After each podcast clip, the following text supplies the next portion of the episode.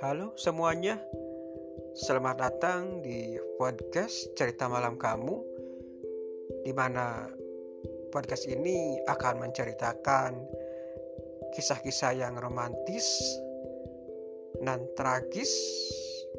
Intinya akan ada bumbu-bumbu cinta yang dimulai dari yang indah sampai yang menyakitkan sekalipun. Oke. Jangan lupa di dengerin terus ya. Terima kasih.